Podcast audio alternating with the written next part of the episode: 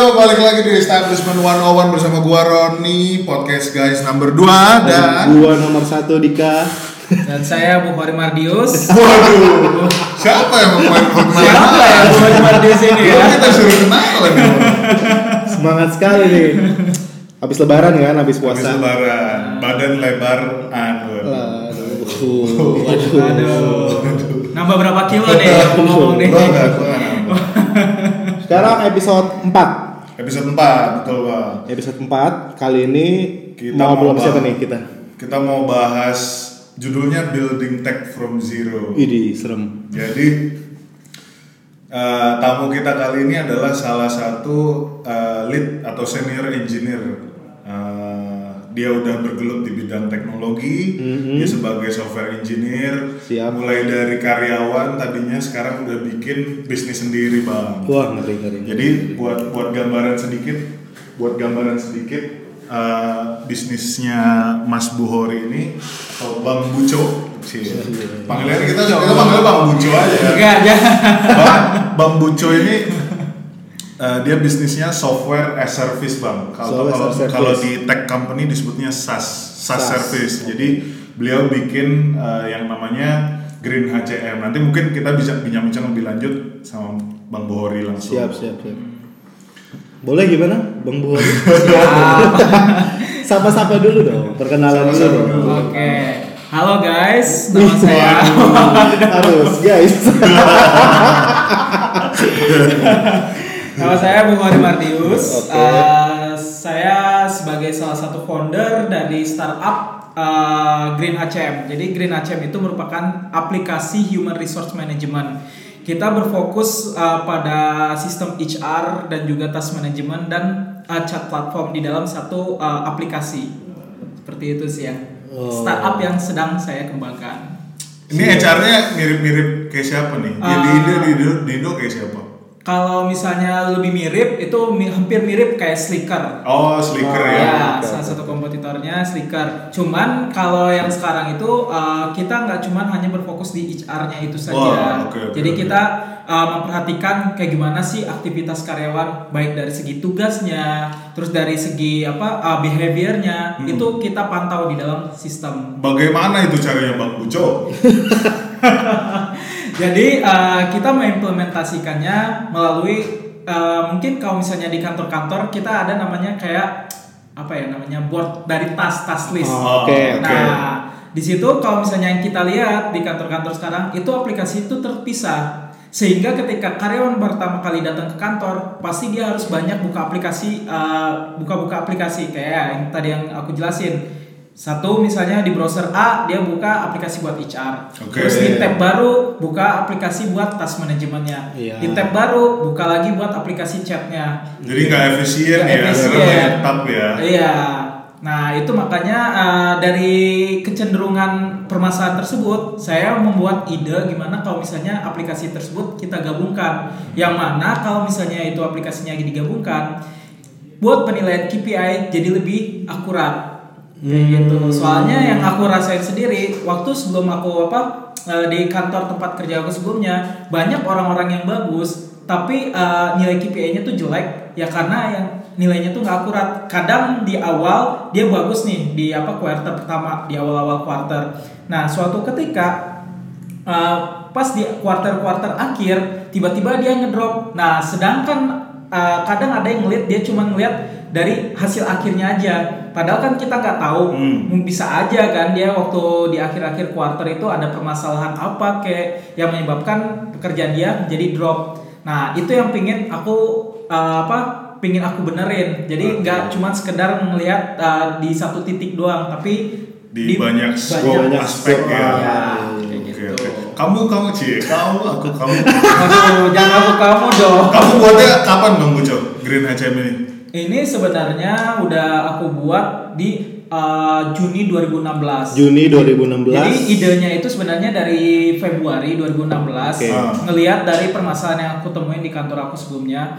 Nah itu waktu itu baru sekedar ide. Nah ketika udah ada ide ini kita uh, apa aku ngumpulin teman-teman terdekat aku dulu sih. Oh. Kita cari apa permasalahan ini. Tapi yang aku kumpulin itu yang tag itu cuma dua orang yang duanya lagi itu orang HR karena uh, yang mengetahui permasalahan HR itu adalah orang HR-nya sendiri kan. Betul. Nah, di situ kita diskusi kayak gimana nih cara nge-solve problem eh, apa problem yang kayak gini.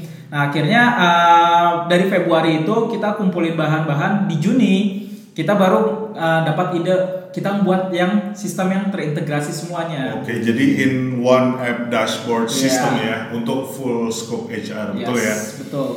Ini kayak Bang Buco masih rada-rada jet lag nih, Bang. Masih belum belum lemes Iya. nih. Kita lemesin dulu, Bang. Iya, kasih iya. kasih kasih tebak-tebakan, Bang. receh enggak nih? Kita justru harus receh mungkin. oh, harus receh mungkin ya. Menarik ya uh, bisnis yang sedang dikembangkan kan ya. Kita tarik mundur dulu dari belakang sebenarnya. Oke. Nah. Emang dari kecil cita-citanya programmer. enggak, enggak, enggak, enggak. Sebenarnya lucu sih kalau Ah. misalnya kalau ngomongin cita-cita ya. Gue Karena kan pertama kali programmer kan bukan sesuatu yang Iya. gimana banget gitu di Indonesia Gimana ya. banget. Bisa dibilang ini apa kayak misalnya programmer itu baru happening baru-baru sekarang gini aja. Iya. Bisa dibilang tahun 2010 lah udah mulai nih Oke, programmer iya, iya. naik. Iya. Nah dulu gue waktu kecil itu cita-citanya hampir sama lah. Mungkin Dulu sempat kecil juga, Bang. Sempat. Oh, dulu. sempat ya. Bahkan kecil seperti benih juga sempat sih. Udah inget tuh ya. Jadi cita-cita gua dulu awal ya kayak anak-anak SD lah. Kita Oh. waktu di sekolah kan menyanyikan kapiten terus apa itu Oh, aku seorang kapiten oke, terus.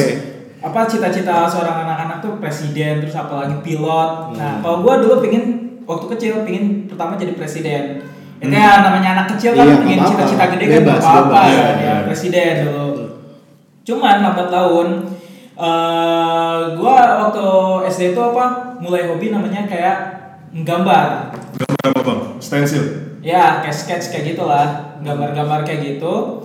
Nah, kelas 5 SD itu udah mulai lah gua ngerucut. Wah, gua kayaknya nggak bisa nih jadi presiden. Gue Oh. pengen jadi arsitek aja deh. Nah, dari situ gue udah mulai apa? Mulai belajar-belajar ngedesain-desain rumah kayak gitu. Oke. Kelas 5 SD udah mulai hobi lah. Ah. Nah tapi tiba-tiba pas lulus SD, tiba-tiba orang tua gua nyuruh gua masuk kayak sekolah asrama. Waduh, gua bilang, ini kok Jangan Bang.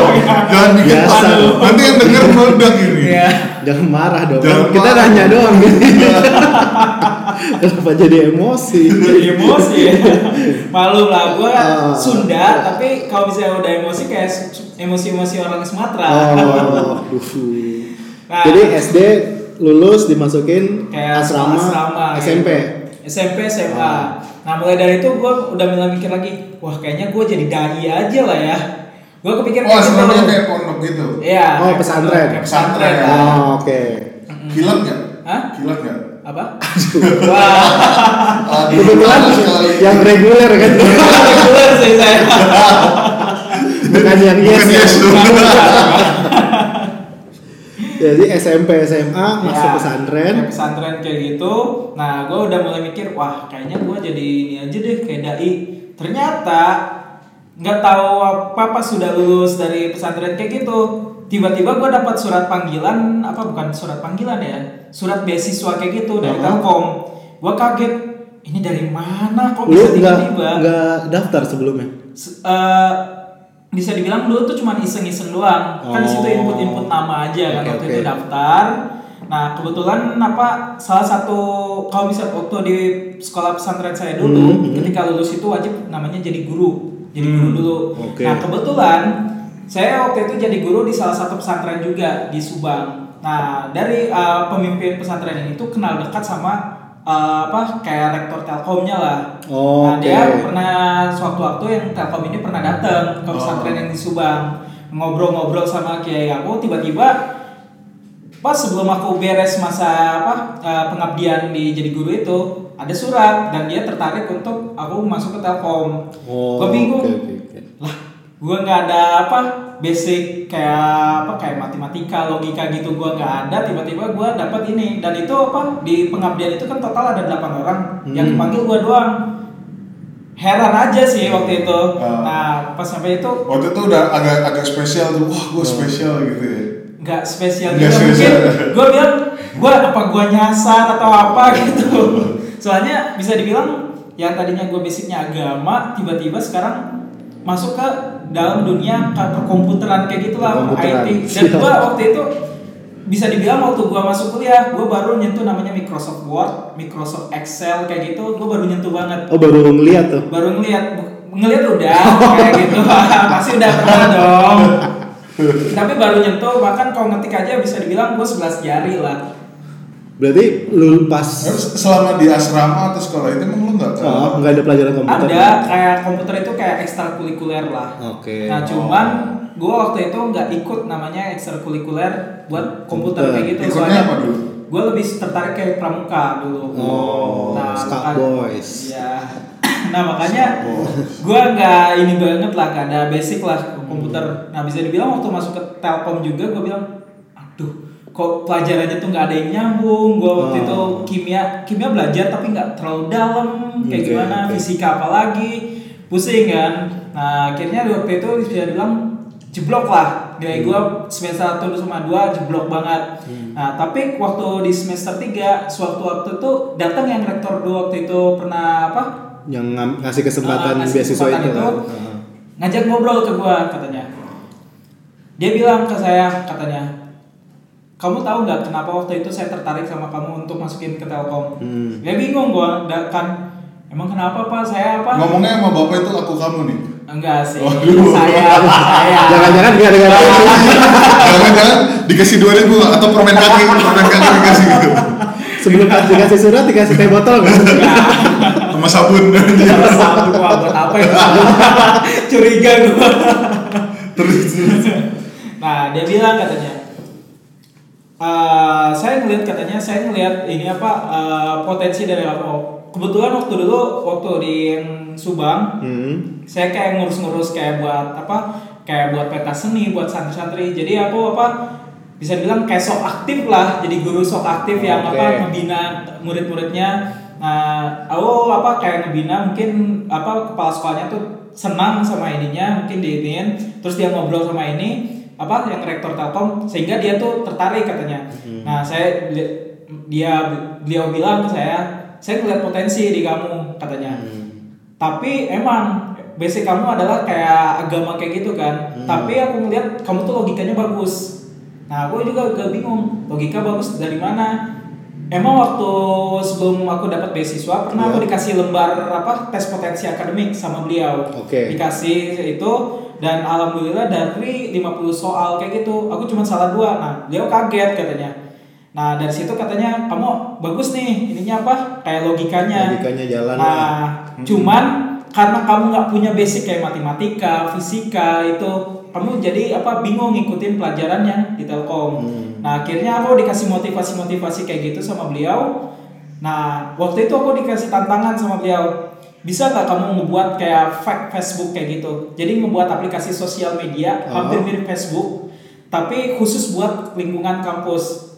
Nah, ditantang sama beliau ka- katanya kalau misalnya kamu nggak bisa membuat setelah beasiswa kamu saya copot Hmm. terus apa eh, kamu harus mulai biaya dari sendiri lagi kayak gitu wah gue bilang pusing gimana cara ngebuatnya waktu itu kan gue jaringan sebenarnya Oh. kuliahnya jurusan jaringan tapi yang dikasih tantangannya itu adalah membuat web kayak Facebook Oke. pusing kan waktu itu. Nah untungnya ada salah satu di semester 3 itu ada salah satu dosen yang ngajarin web.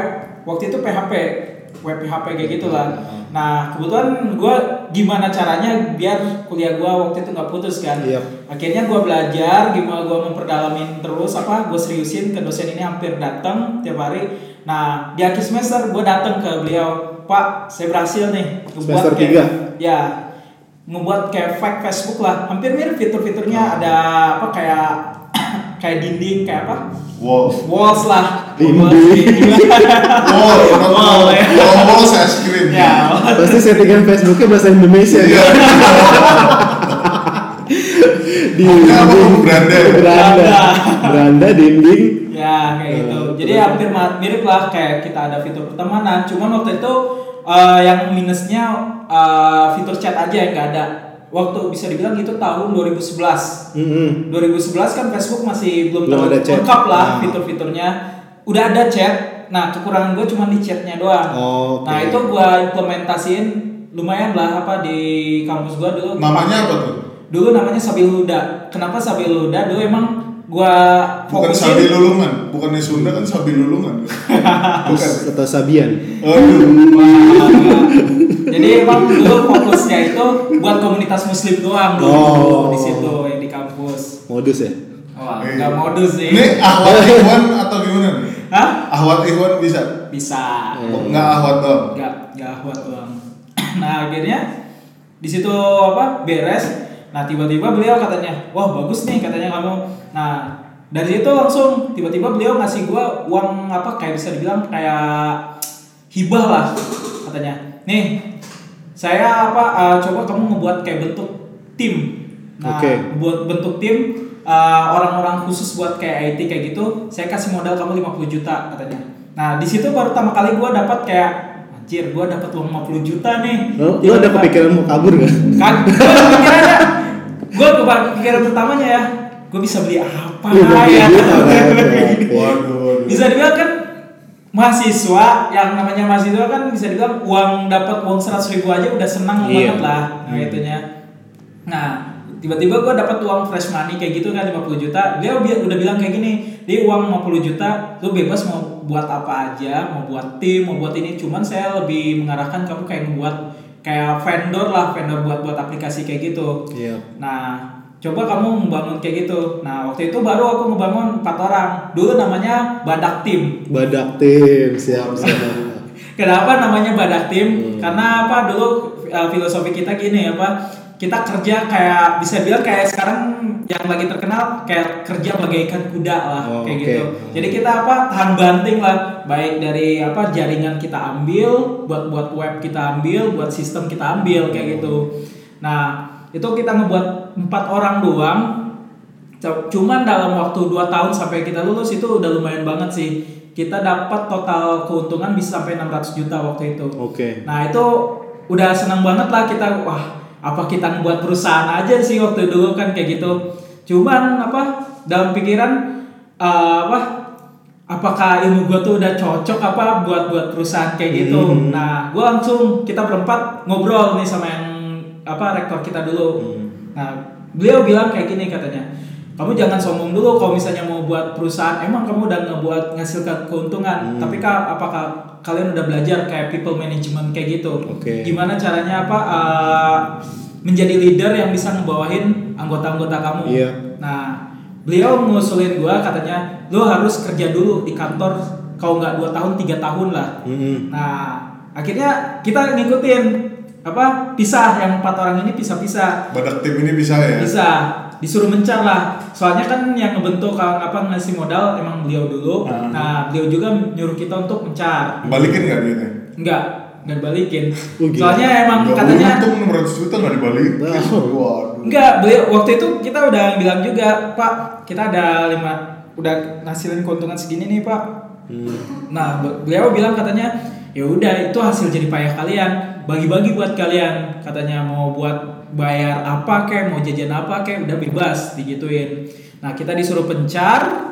Nah, kebetulan eh, aku waktu itu masuk ke salah satu company apa eh, ke vendor kayak gitu lagi, Hmm. ke vendor yang lumayan lah kalau di Bandung itu apa ternama banget lah. Sebut dong, itu. namanya dong. Namanya WGS. Oh, oke.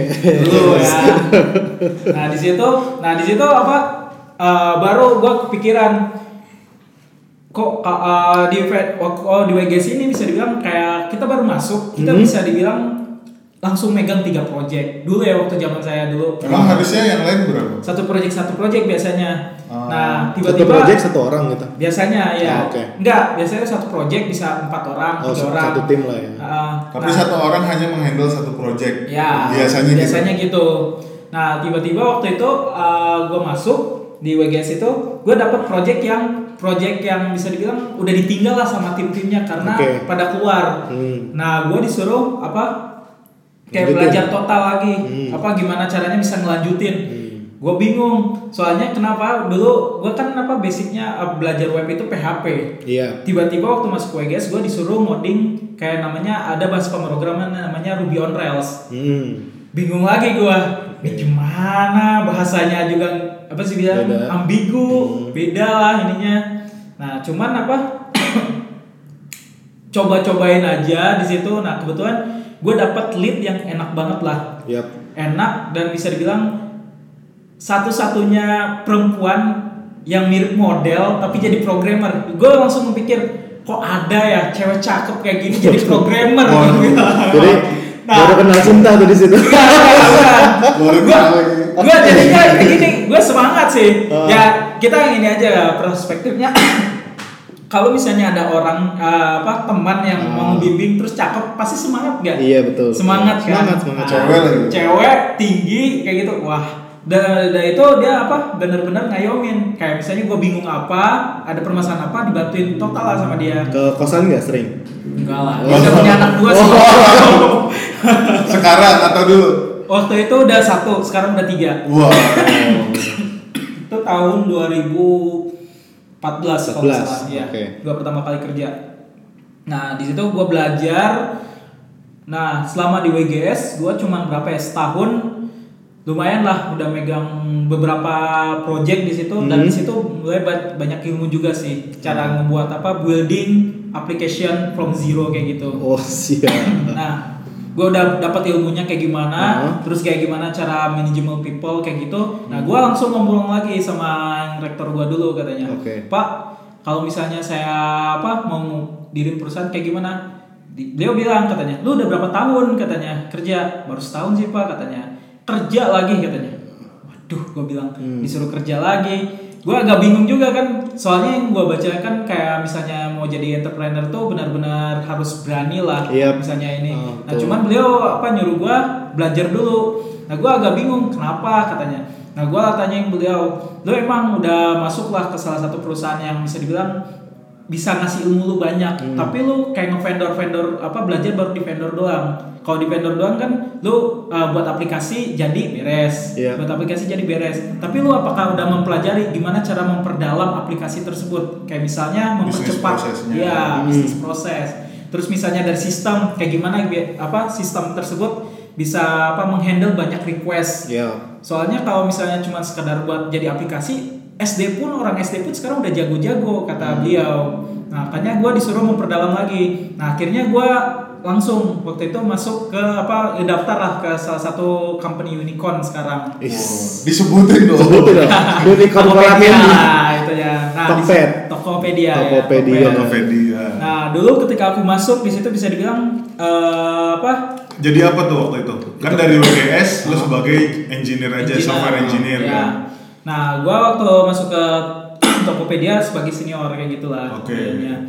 Nah, cuman bisa dibilang gua waktu masuk ke Tokped itu gua masuk ke salah satu tim yang bisa dibilang baru kecil banget lah. Hmm. Masih ada timnya tuh empat orang, jadi belum berbentuk trap. Trap itu kalau di Tokopedia itu kayak inilah apa kayak grup grup apa, apa gimana ya? Kayak tim aplikasi lah, Ya, ya, kayak ya, kita ya. ada tim-tim tim sendiri. Iya, nah, iya. waktu itu sesuai dengan fiturnya feature masing-masing kayak gitu. Nah, ketika apa masuk ke Topet itu timnya tuh masih empat orang yang buat promotion itu dan bisa dibilang kayak baru banget lah. Itu Hmm. tahun 2017 Januari. Januari 2017 masuk Tokopedia. Masuk Tokopedia. Bagian promotion. Bagian promotion. Timnya baru empat. Tim. timnya Timnya baru empat. orang. Nah, di situ apa bisa dibilang kita kayak gimana ya? Kayak kerja benar-benar mikir peras otak lah, Oh. gimana caranya apa penggunaan apa uh, promotion itu Hmm. benar-benar Works lah di lah. aplikasinya. Nah, soalnya kan uh, kadang ada kayak promo kayak gini. Ada promo gede, misalnya satu promo bisa ngasihin cashback sampai 20%. Sam- Ya. maksimal 200 ribu. Kalau orang yang mau berbuat jahat kan, wah saya udah gue buat banyak akun banyak aja dong, biar Ya. bisa dapat cashback sebanyak-banyaknya. Nah itu yang bikin problem dulu pernah ada satu promo gede, itu bisa kerugian sampai 200 jutaan. Wah itu, itu? itu lumayan banget kan. Nah kita disuruh otak lagi. Nah kebetulan waktu itu gue langsung dipilih. Kor, lo bisa nggak apa ngebuat aplikasi sistem kayak gitu yang Hmm. bisa apa ngedeteksi orang-orang yang punya banyak akun. Nah gue mikir sebenarnya bisa sih yang buat kayak ginian. Soalnya apa? Kalau misalnya kita ngelihat dari alur-alur request datanya, Hmm. Itu kelihatan banget orang-orang yang nge-fraud tuh kayak gimana perilakunya. Ada behavior patternnya. Iya, Iya. ada behavior patternnya. Nah, gue langsung kepikiran dulu, gue sebelum masuk WG apa Tokopedia itu, gue udah sempat beberapa kali ngebuat aplikasi kayak machine learning kayak gitu. Hmm. Nah, gue langsung apa eh, nyari bahan bisa nggak sih kayak apa kayak aplikasi yang buat promo ini kita masukin machine learning Yep. Terus uh, artificial intelligence kayak gitu. Nah gue cari-cari akhirnya dapat nih. Wah bisa nih. Kalau misalnya dari ngeliat behavior patternnya itu ada nih. Bisa kita masukin machine learning akhirnya gue buat buat buat nah ketika udah jadi ketika ada promo besar yang kayak gini lagi yang hampir mirip yang dulu kerugian sampai 200 itu Hmm. nah ketika ini kita bisa ngeredus sampai 85% kerugiannya. Hmm, nah itu udah seneng banget. Wah berarti produk gue bermanfaat nih Iya, udah bisa iya, kepake iya. nih nah baru dari situ gue naik pangkat pangkat pangkat pangkat nah waktu udah dua tahun eh bisa bilang nggak nyampe dua tahun sih tahun tujuh bulan Hmm. nah aku langsung pikir kok gue sebenarnya kerjanya udah enak nih Iya. udah enak banget gaji juga udah lumayan lah bisa dibilang ketika gue baru masuk topet sampai sekarang gue udah hampir naik hampir dua kali lipat lebih Hmm. Apa gue keluar apa uh, ngetep aja ya gue ngelupain mimpi-mimpi gue dulu Hmm. Nah, cuman gue langsung kepikiran apa eh, teman-teman gue yang dulu yang tiga yang apa yang dulu yang di tim badak ini, mereka udah ngebuat nih apa kayak perusahaan bukan perusahaan belum nyampe perusahaan sih, mereka udah buat CV mereka masing-masing lah. Oh. Jadi ngebuat kayak vendor-vendor lagi. Iya, iya, iya. Nah, gue langsung memikir dulu gue pernah apa punya waktu di WGS dulu gue pernah ngebuat kayak aplikasi HR nih. Cuman cuman sekedar konsep terus udah ngebuat nge-building itunya udah jadi sebenarnya cuman belum di gua dalemin lagi kayak gimana. Itu emang project atau emang lu bikin sendiri? Bikin sendiri. Oke. Soalnya yang gua lihat waktu gua kerja di WGS sama Hmm. yang ini dulu sih gua ngeliat ininya. Nah, gua udah ini. Nah, gua langsung mikir pas di tahun 2017 awal eh 2017 akhir Desemberan Iya. lah. Gua udah langsung pikiran kayak gitu. Gua mau sampai kapan nih gua ngoding-ngoding terus kan. Hmm. Gua apa kepikirannya gua harus buat produk nih. Hmm. Apa yang produk yang bisa benar-benar bisa gua hasilin dari bulan ke bulan kayak gitulah. Soalnya gua ngelihat apa kayak Pak William nih. Pak William juga apa? William ah, siapa dong? Kasih William tahu. Oh. Itu salah William satu Papaya. uh, apa sosok yang memotivasi saya sih. Oh, Oke. Dia Jadi pernah- William Pak William boleh di endorse Yang Wijaya adalah? CEO Tokped ya? Topet. Tokped ya dan Iya. founder juga ya. Ya, Founder. Nah, beliau pernah ada satu quote yang beliau yang bikin gua tuh apa? Berinding. Bukan merinding sih, yang Bergidik. memotivasi saya. Oh, sorry. Jadi, beliau bilang kayak gini, eh, apa? Kayak to- apa ya namanya? Aduh, coba diingat dulu pelan-pelan Coba, aja. coba, coba. Santai aja, santai. Eh, ini apa? Kesuksesan itu akan tercapai apabila kita membuat orang lain untuk sukses juga. Itu kan Oke. salah satu ininya Tokopedia kan. Nah, itu yang langsung terngiang-ngiang di pikiran gua. Makanya ketika gua membuat produk, gua langsung pingin gua harus buat produk yang bikin orang tuh sukses. Oh, nah, oke. gua bisa apa nyambung itu ke dalam aplikasi HR yang pernah gua buat.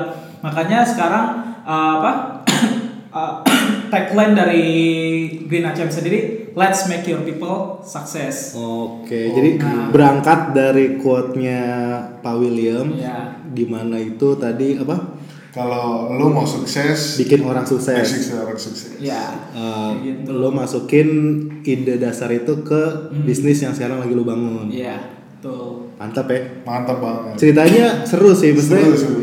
seorang anak pesantren pesantren Yang nggak tahu tadinya komputer. mau gambar arsitek, iya terus ternyata keselengkat keselengkat arah dalam hidup Iya. menghasilkan juga ya bang.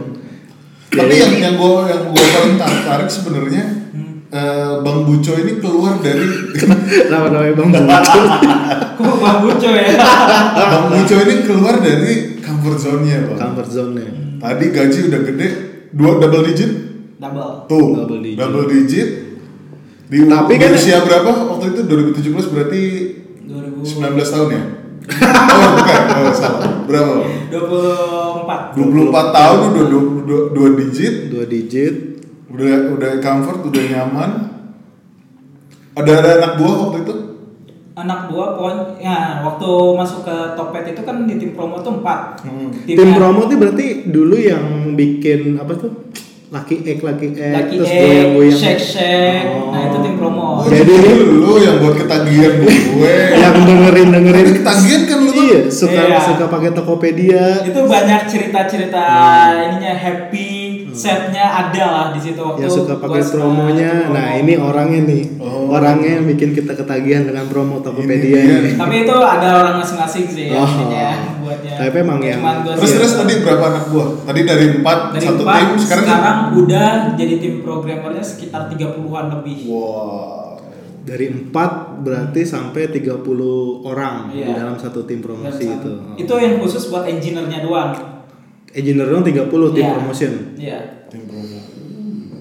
makanya gua gua sendiri sih ngeliat wah happy banget lah Ah, oke. kita ngebangun dulu dari awal tiba-tiba udah jadi kayak gini wah udah gede banget ngerasanya happy nah pas kemarin ramadan kemarin kan ada namanya kayak project Apollo lagi ya Ah. gitu. project Apollo itu bisa dibilang project uh, tahunan lah yang Ah. buat di Tokopedia kayak gitu untuk uh, apa meningkatkan penggunaan Hmm. to- aplikasi Tokopedia nah pas project Apollo itu gue ngeliat wah gue dulu apa pusing-pusingnya kayak gini juga nih oh gitu nah dulu waktu pas beres Apollo Po- Apollo versi 1 Apollo versi 1 tuh tahun 2018 Hmm. itu kita pusing-pusing banget. Kita ngebuat aplikasi shake shake habis itu ketika digunain down kayak gitu. Iya, iya, iya. itu pusing banget. Nah sekarang apa uh, udah bercermin dari apa dari pengalaman tahun sebelumnya. Yang tahun sekarang gue bilang wah Lebih- keren banget. lebih lebih- bagus bahkan zero down bisa dibilang kemarin Tokopedia. Shake shake itu Tokopedia kan yang pertama yang Iya, bikin kan?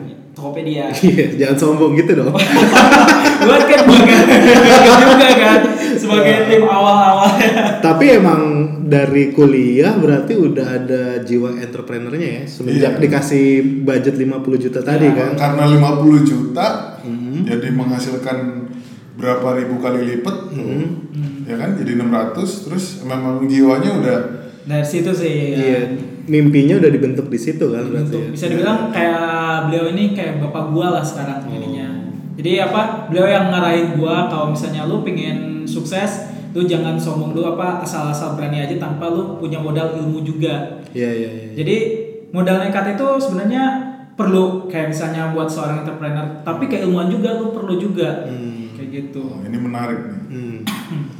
Terus terus eh, tadi udah di Tokopedia sekarang lanjut nih. Sampai Nah. gimana caranya sampai eh, tadi kan Bang Buco bilang kalau Bang Buco bilang kalau Bang oh gua gua gua harus buat produk nih kata lo. Nah. Iya. Bisa muncul. Terus sampailah ke Green, Green Aceh. Coba diceritain lagi deh. Nah, Green ACM ini sebenarnya kan eh, udah aku bangun idenya tuh dari 2016. Dari 2016 malah Februari. sebelum masuk sebelum masuk. Tokopedia. Nah itu apa? Aku ngebangun kita berempat waktu itu. Eh, jadi mulai ngodingnya apa analisisnya dulu dari Februari sampai Juni kita nyari problemnya kayak gimana terus apa fitur-fitur yang bisa membantu Iya. buat di HR empat bulan nah kebetulan apa eh, di tim ini tuh ada dua orang programmer satunya saya dan teman saya Oh. ada dua orang Oh. Nah, karena uh, kita dulu apa udah basicnya tuh kayak nge-vendor kayak gitu. Biasanya kan vendor tuh based on ta- target kan ya. Iya. Kita punya target, kita punya sprint. Waktu di sprint pertama kita apa targetnya sampai apa kayak gitu. Nah, kita udah langsung buat apa target-target kita dari hasil analisis yang 4 bulan tadi. Yap. Kita harus buat fitur apa, ininya apa, terus gimana. Nah, dari Juni sampai Oktober produk udah jadi nih Oke. cuma 4 bulan doang Hmm. waktu itu kita udah happy banget sih udah ininya udah happy terus kita waktu itu tiba-tiba guru gua dulu waktu di pesantren itu Hmm. nelfon gua nah dia bilang katanya kor katanya. Gua dengar katanya lu sekarang apa nggak kayak buat-buat aplikasi kayak gitu ya Hmm. katanya. Iya pak. Kenapa katanya. Gua ada agenda nih. Uh, ada agenda katanya uh, buat apa? Ngadain pameran buat uh, entrepreneur-entrepreneur muslim waktu itu Hmm. tahun 2016 Hmm. nah waktu itu gue inget banget acaranya tuh di J Expo Jakarta. Nah di situ katanya lu mau ikut nggak? Katanya. Wah pak saya emang mau apa buat-buat aplikasi kayak gitu cuman kalau misalnya mau ikut kayak expo kayak gitu kan biasanya kita harus punya produk dulu sebenarnya gue udah ada produk tapi waktu itu belum pede lah masih Belum yakin lah. belum yakin masih ngebuat doang Karena kan. masih prototype kan. Iya. Hmm. Nah katanya udah nggak apa-apa, ikutin aja di situ. Nah akhirnya gue ikut lah di situ. Cuman ya itu apa karena di situ apa bisa dibilang kayak karena gratis lah ya Hmm. gue diundang kayak gitu. Nah kita dikasih stand kan kalau misalnya kita ngeliat stand-stand pameran itu lumayan gede kan. Iya, iya. Nah stand pameran itu yang segede itu itu dibagi 6 Jadi stand kita kecil banget Oke. kecil banget. Nah, nah sedangkan apa pengunjung itu banyak banget yang datang waktu di J Expo itu. Itu yang khusus yang apa? Yang entrepreneur muslim itu kebanyak kebanyak itu ada lumayan banyak. Tapi yang digital itu cuman gua seorang waktu itu, cuman sendiri. Yang lain itu makanan, terus Oh, jadi ini bukan expo digital ya? Bukan. Bukan expo teknologi bukan, bukan, ya? itu Iya, lebih ke uh, muslim planner kayak gitulah. Oh. Jadi kayak makanan ada, pakaian ada, Oke, oke. bahkan obat kuat pun ada. Gue sampai bingung gue di situ. gue inget banget samping gue. Dua, Oh, itu sampingan lu? Iya. Gila. Pak. Oh, sambil Sampingannya buat kuat ternyata. Pantesan duitnya banyak ya. Jadi Heeh. Green ACM dibawa ke expo yang bukan khusus teknologi. Bukan. Oh. Nah, gue inget banget cuman se- itu doang. Nah, itu apa uh, hari pertama itu enggak cuma nanya cuma satu orang. Nggak Iya. ada yang inilah yang berapa hari? tertarik. Seminggu. Empat hari. Oh, empat hari. Expo-nya waktu itu gue Hmm. inget banget.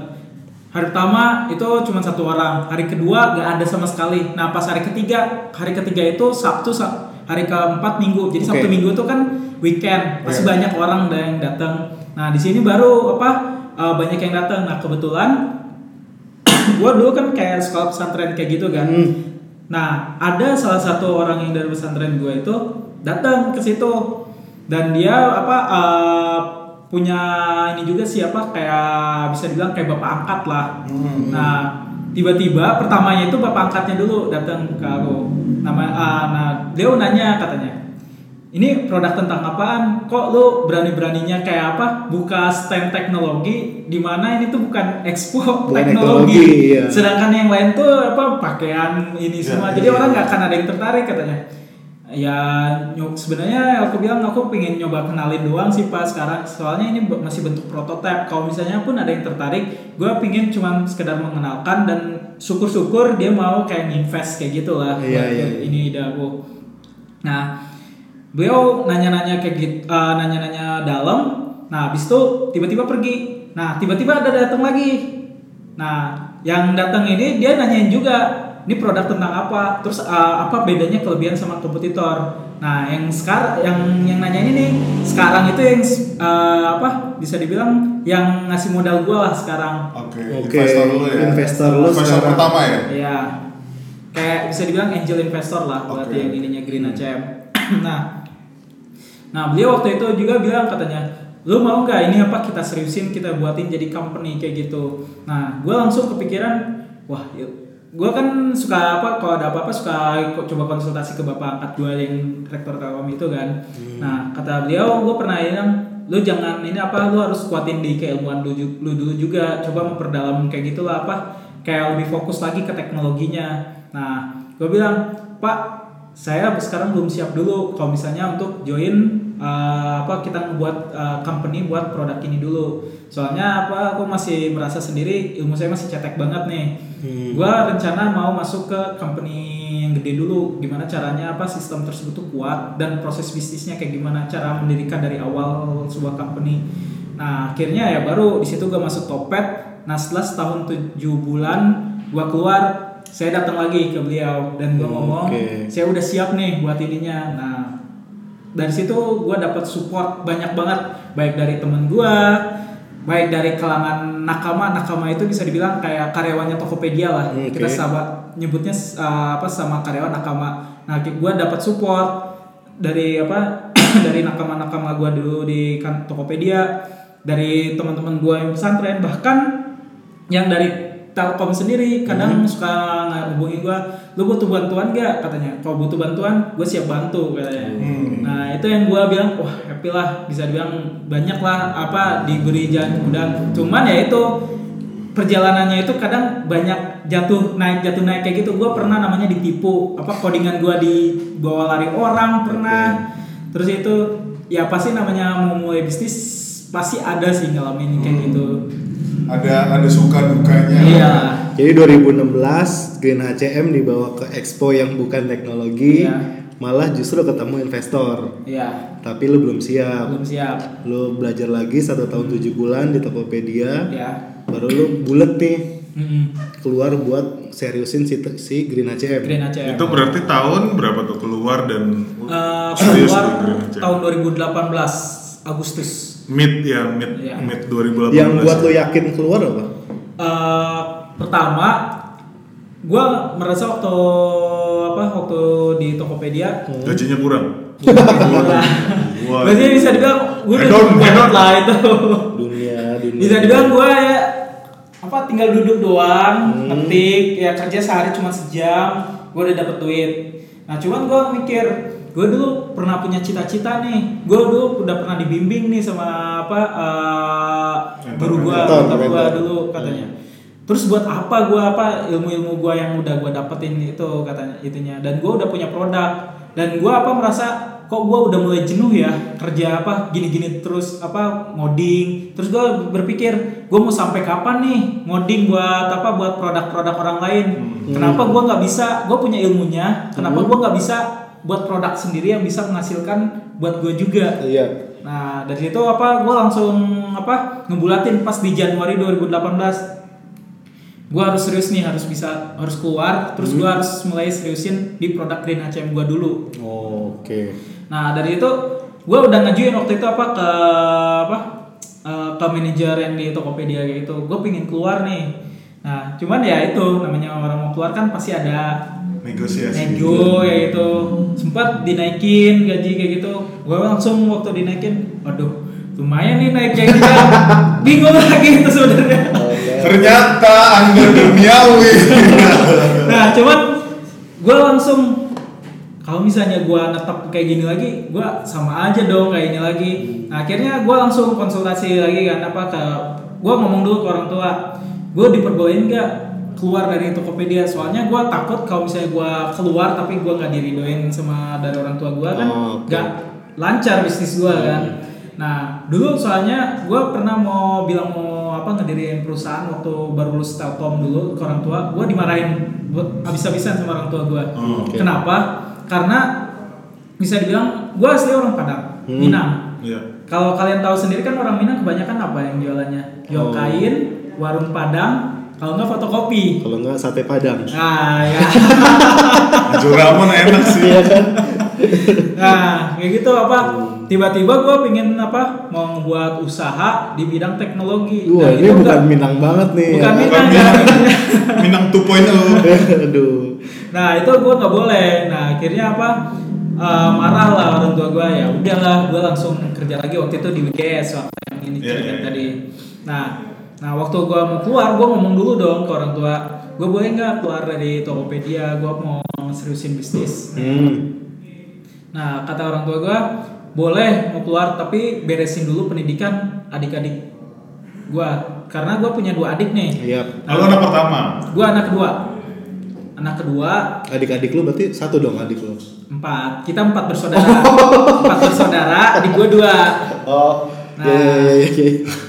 Nah kebetulan adik gue cewek nih. Kalau cewek kan harus dipantau kan sama yang sebagai kakak yang cowoknya. Hmm. Kalau gue sih lebih memantau ke pendidikan adik-adik gue. Soalnya gue nggak mau sampai pendidikan adik-adik gue tuh terbengkalai Hmm. ininya.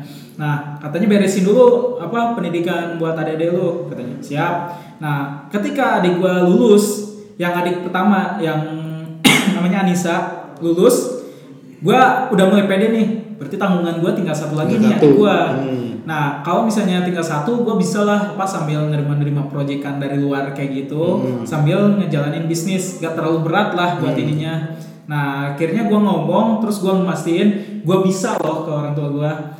Nah, dengan ininya apa? Dengan bu, buktinya waktu gua baru keluar dari Tokopedia waktu itu udah dapat langsung dua klien mau pakai aplikasi gua Iya. itu langsung gua liatin ke orang tua gua ya nih gue udah dapat dua klien nih yang mau pakai produk saya berarti produk saya bisa loh dipakai sebenarnya di masyarakat ininya nah akhirnya dari itu baru gua dibolehin Hmm. nah langsung gua langsung pede resign dari itu Oh, oke.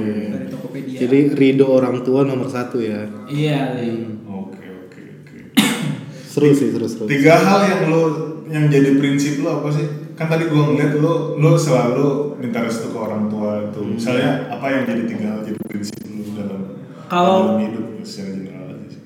Kalau prinsip sih, yang pertama ya itu aja sih, jangan pantang menyerah kayak gitulah. Oh, iya. Gue soalnya pernah ngerasain juga namanya ditipu, terus apa kerugian besar banget, Hmm. itu udah pernah. Tapi kalau misalnya gue menyerah waktu itu, mungkin bisa dibilang sampai sekarang pun gue bisa dibilang masih kerja sama orang kayak gitu aja, Hmm. Kayak gitu. Terus juga ya yang kedua ini siapa? gue setuju banget dengan apa yang Pak William bilang dulu. Kita harus mensukseskan orang lain kalau pingin kita sukses. Oke. Nah, itu yang gue harus pegang prinsip. Gue gimana caranya bisa suksesin orang juga nanti ke depan ininya. Yang ketiga yaitu ini apa? eh, kita harus kayak apa? Ya minta ridho lah baik dari orang tua, dari teman, dari guru. Gue selalu kalau misalnya ada apa, ada teman-teman yang udah deket sama gue, gue pasti kalau mau apa-apa minta doa ke mereka. Oke, Itu sih. mantap.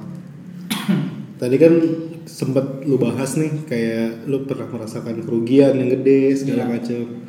Dukanya lu pas ngejalanin Green HCM tuh apa sih? Karena kan tadi kita udah udah udah denger kayak semangat lu buat mendirikan perusahaan ini Iya. kan.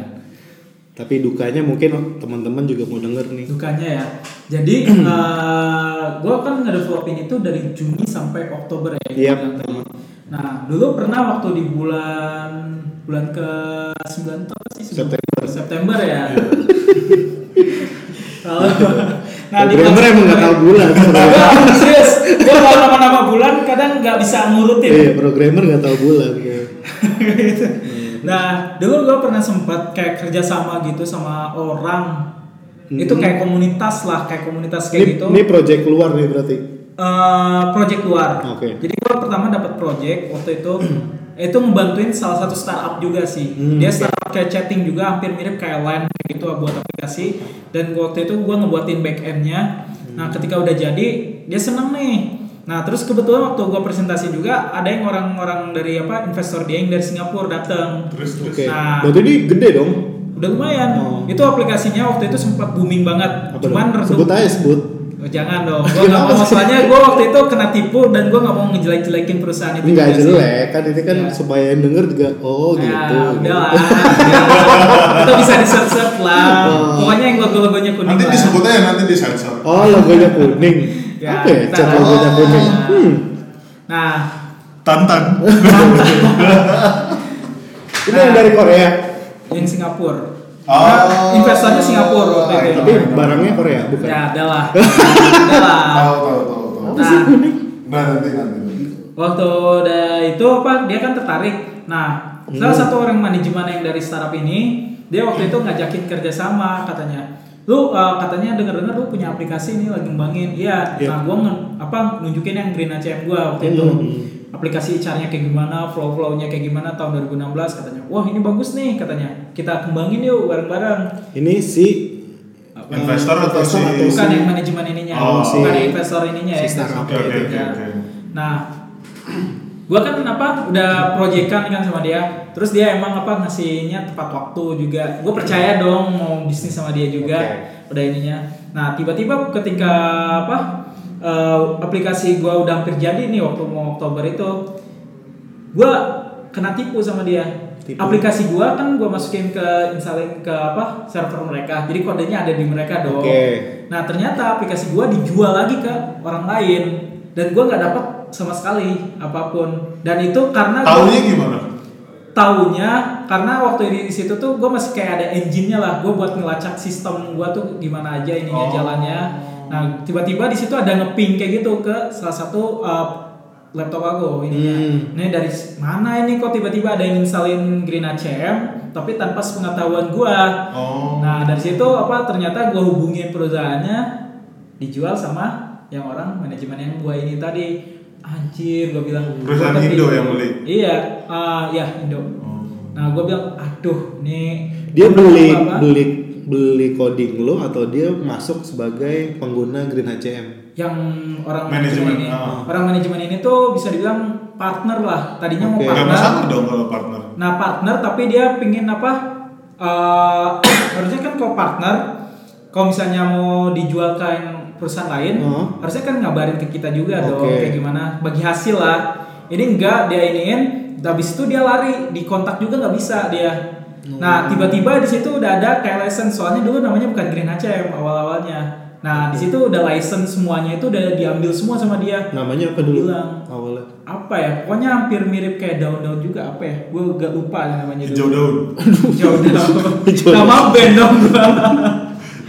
nah sejak kejadian itu gue udah mulai berhati-hati banget nih sama partner apa Oke. kalau nyari-nyari partner soalnya kadang kayak gitu gue diceritain kalau dalam dunia bisnis katanya ada partner yang baik ada juga yang partner yang apa cuman manfaatin lu doang Oh. Nah, gue nggak mau apa nyari yang partner cuma manfaatin doang kayak gitu. Hmm. Kalau misalnya mau berbisnis ya kita harus terbuka dong kayak gimana ini. Iya iya iya. Hmm. Nah itu apa sempat dibawa lari kode Green ACM-nya dipakai karena waktu itu apa masih prototype. Jadi apa emang ada ping ke gua masuk terus juga apa waktu gua tanya juga kebetulan karena di perusahaan startup tersebut kan ada teman gua juga yang kerja. Oke. Nah dia tahu juga katanya dia nerimanya tuh berapa karena ini startup jadi masih terbuka banget lah sama yang karyawan-karyawan Oh. situnya. Gua tahu masukannya berapa udah lumayan banget tapi di Berapa user tuh gambarannya? Gambarannya dia waktu itu dipakai langsung 600 sih. Wow. baru 600 udah lumayan nah ininya. Ya untuk nah, prototype cuman dipakai 600 sih udah gokil. iya udah oke banget. Nah cuman karena dia nggak tahu gimana kodenya karena kan kodenya yang buat gua sama temen gua ini kan. Hmm.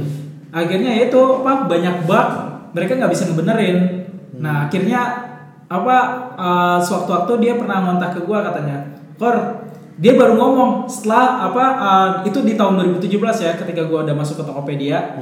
Dia ngomong katanya kor eh, lu masih ngembangin aplikasi yang Green ACM kayak gitu nggak?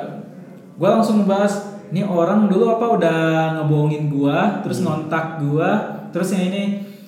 Gue mikir gue udah males banget nih ngeladenin orang ini satu lu udah nipu gue terus dia ini apa tiba-tiba ini emang sebelumnya gue pernah dihubungin juga sama teman gue yang kerja di situ katanya mereka lagi kesulitan buat ngembangin yang aplikasi HR yang kemarin soalnya udah dibawa lari gue apa di ininya apa benar-benar di aplikasi itu jadi zero banget lah nggak ada saham sama sekali jadi emang tim gue udah ditendang banget lah waktu itu Iya iya. Nah, mereka waktu ngembanginnya kebingungan. Nah, dia ngajak apa kayak berbisnis partner lagi. Gue bilang, ah ya udah nggak apa-apa lah kita ketemu, cuman ngobrol doang. Nah pas dia apa bilang mau ngajakin partner kayak gitu, gue tolak. Gue nggak mau sampai aplikasi gue kebawa kabur lagi. Soalnya waktu gue di Topet kan gue apa yang gue dapetin di Topet ilmu-ilmunya tentang teknologi, gue masukin di produk gue yang di Green ACM. Hmm. Nah kalau misalnya gue tunjukin lagi ke dia, takutnya dia tertarik ngambil lagi dibawa kabur kayak gitu. Berarti lu buat ulang dong ya? Uh, buat uang. Dan bisa dibilang dulu ketika aplikasi gue waktu tahun 2016 itu bisa dibilang kayak basic banget lah masih standar. Bisa dibilang kalau misalnya kita apa kirim request apa kalau misalnya di dalam dunia web kan ada namanya request ke server. Hmm. Nah, waktu dulu cuma kuat sampai 30 request per second lah. Nah, sekarang dengan uh, apa ilmu yang aku dapat di Tokopedia itu udah bisa sampai 400 request per second. Wow. Nah, itu yang gua nggak mau tunjukin nih sama yang sekarang ke dia. Takutnya mereka tertarik dibawa kabur lagi yang ininya. 10 kali lipat ya. 10 kali lipat. Dan mereka pun mau ngembangin yang fitur yang Green ACM yang dulu versi jadul, itu mereka bingung gimana caranya sampai sekarang. I see. Tapi sekarang masih kontak-kontakan. Masih, tapi kalau misalnya diajak itu gua nggak mau. Oke. Tapi lebaran kemarin ngucapin ya? Ngucapin dong. tapi gue cuma ngucapin ya ke bosnya doang, bukan ke Oh. orang yang manajemen ini dulu. Hmm. Oke. Seru ya? Seru-seru banget loh. Gila gila gila. Nah, ngomongin Green HCM nih, terakhir mungkin. Sekarang achievementnya udah apa aja nih? Hmm. Oh, achievement. Achievement Green Ah. HCM. Udah udah sampai mana? Berapa company yang pakai sekarang? Sekarang eh, bisa dibilang kita User sampai- user berapa? User berapa? udah 1800. Wow, User 1800. dalam berapa bulan tuh berarti? 2000. Eh, dari gue mulai fokus di ininya itu mulai bulan Oktober tahun kemarin. Oh, Oktober sampai Baru sekarang lima bulan, enam, belum belum setahun ya delapan lah, Delapan. delapan bulan. 8 bulan Delapan lah. Delapan udah bulan udah 1800 user. 1800 user terus juga eh, Dengar-dengar kemarin, eh terus terus. terus juga eh, gimana sih? Nanya nggak? Oktober itu kita udah lumayan sih apa gue kan sempat apa kayak ngontak-ngontak kayak klien-klien gue dulu lah waktu Oh, di badak tim. Oh. di badak tim gue kontak-kontak mereka terus ada yang apa beliau tuh ngenalin apa eh, di forward forwardin lah ke klien-klien mereka lagi juga. nah tiba-tiba waktu itu gue langsung dapat panggilan apa dari eh, startup Turki Wow. Nah, dari startup Turki itu gue kaget, ini apa sih panggilan ininya? Gue kan nggak tahu startup Turki apa, soalnya gue nggak selama ini nggak pernah kayak ikut kayak apa ya kompetisi-kompetisi startup kayak gitu. Ah. Nah, tiba-tiba beliau apa dari startup Turki tertarik dan mau eh, apa ngebiayain buat gratis ikut event kayak gitu. Soalnya Hmm. setahu gue event kayak gitu bayar kan. Iya, iya, iya. Nah, ini gue waktu itu dapat gratis. Nah, beliau tertarik da- dari startup Turki itu. Nah, pas di bulan April kemarin kita terbang untuk memperkenalkan produk Green HCM di Turki. uh gila oke. karya anak bangsa ya ke dunia Karena anak bangsa kedua nih.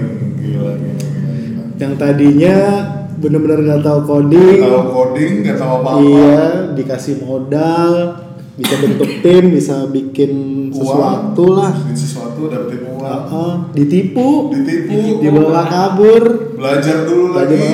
masuk unicorn Masuk unicorn.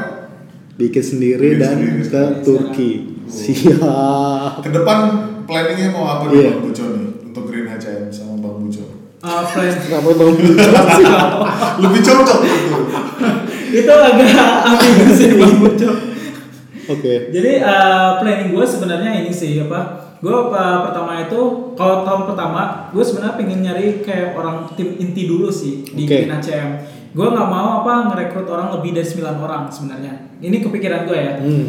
Gue nggak mau ngerekrut uh, tim buat yang awal-awal tuh 9 or- uh, lebih dari 9 orang. Kenapa? Karena yang 9 orang ini mau gue gembleng untuk jadi leader ke depannya. Hmm. Soalnya gue nggak mau apa banyak-banyak rekrut terus nggak bisa gue pantau. Iya, iya, iya. sehingga ya kerjaan mereka ya gitu-gitu aja. Dan mereka nggak ada pengembangan ilmu-ilmu baru. Gue pengen yang 9 orang ini bisa punya hatinya di Green HCM terus juga apa bisa meresap kepemilikan lah buat ininya. Sehingga apa mereka yang bisa nanti ke depannya jadi leader di Green ACM Green HCM ya. Gokil, gokil, gokil. jadi sekarang udah ada berapa tim di Green ACM Eh, sekarang itu intern kita sih awal-awal ini lagi ngerekrut yang intern ini. Intern sekarang udah 6 6 orang. Enam orang. Terus buat teknologi itu kita dapat eh, apa tiga orang sih yang ngebantuin dari teknologi. Itu bisa dibilang lead aku dulu di WGS yang cewek yang barusan gue bilang. Oh bisa aja. Yang udah punya anak Ya, tiga bisa. ya. tiga itu. Jangan ditikung. Terus eh, ada juga temen gua yang pertama kali ngajarin goleng di Oh. Tokopedia kan pakai bahasa pemrogramannya golang. Golang. Golang ya. Nah. Punyanya Google ya. Google ya. Jadi eh, ada temen gua yang sekarang dia lagi kuliah di Jerman, dia tertarik membantuin gua juga. Dia teknologinya dibantuin itu juga. Terus ada satu lagi yang eh, temen gua sih yang sekarang masih di Tokopedia juga. Kalau iseng-iseng dia suka ngebantuin ngasih masukan mengenai teknologi yang di Green HCM yang bagusnya kayak gimana. Nah dari tek tapi mereka bertiga ini teknologi sekarang masih remote semua. Gua remotein jadi nggak ke kantor yang ininya. Nah rencana gua sih rencananya di sini tuh kita udah ada dua kandidat orang baru lagi kayak buat marketing, terus juga buat desainer yang buat ininya buat membantuin itu sih. siap mantap Wah gila satu jam nih Satu jam bang. Kita banyak dapat ilmu nih dari Benar, Bang benar. nih. Jadi kalau teman-teman yang punya company atau yang Kalau company ini dong, VOC dong. VOC. yang company kalau mau tahu Green ACM di mana sih? Oh, bisa uh, buka di browser uh, ketik aja www.greenhcm.com. Www.greenhcm.com. Sosial medianya kita baru ada Instagram sama LinkedIn. Oke. Di Instagram uh, ketik aja @greenhcm, kalau LinkedIn greenhcm. Di YouTube ada YouTube. YouTube ada juga. YouTube itu ada presentasi kemarin Turki kan? Ada uh, presentasi di Turki itu bukan di channel kita sih. itu di channelnya startup Turkinya. gitu ya. Oh, jadi kalau emang nggak percaya Green HCM udah ke Turki bisa dicek di Bisa Instagram. dicek di Bisa. Green HCM Bang Buco. Bang. Oke bang, thank you. Oke, nih. Bang Buhori, thank you udah datang ke studio kita di Kemang. Siap siap. Um, Semoga Green HCM-nya makin lancar. Ma- bisa Amin. jadi karya bangsa 2.0 atau jadi dekakorn Iya betul. melanjutkan Amin. dari siapa Gojek Gojek. dan teman-temannya Iya. segitu aja dari kita thank you so much Bang Buco for coming with us Uh, bersama gue Roni di Establishment 101 dan Dika di sini. Dah.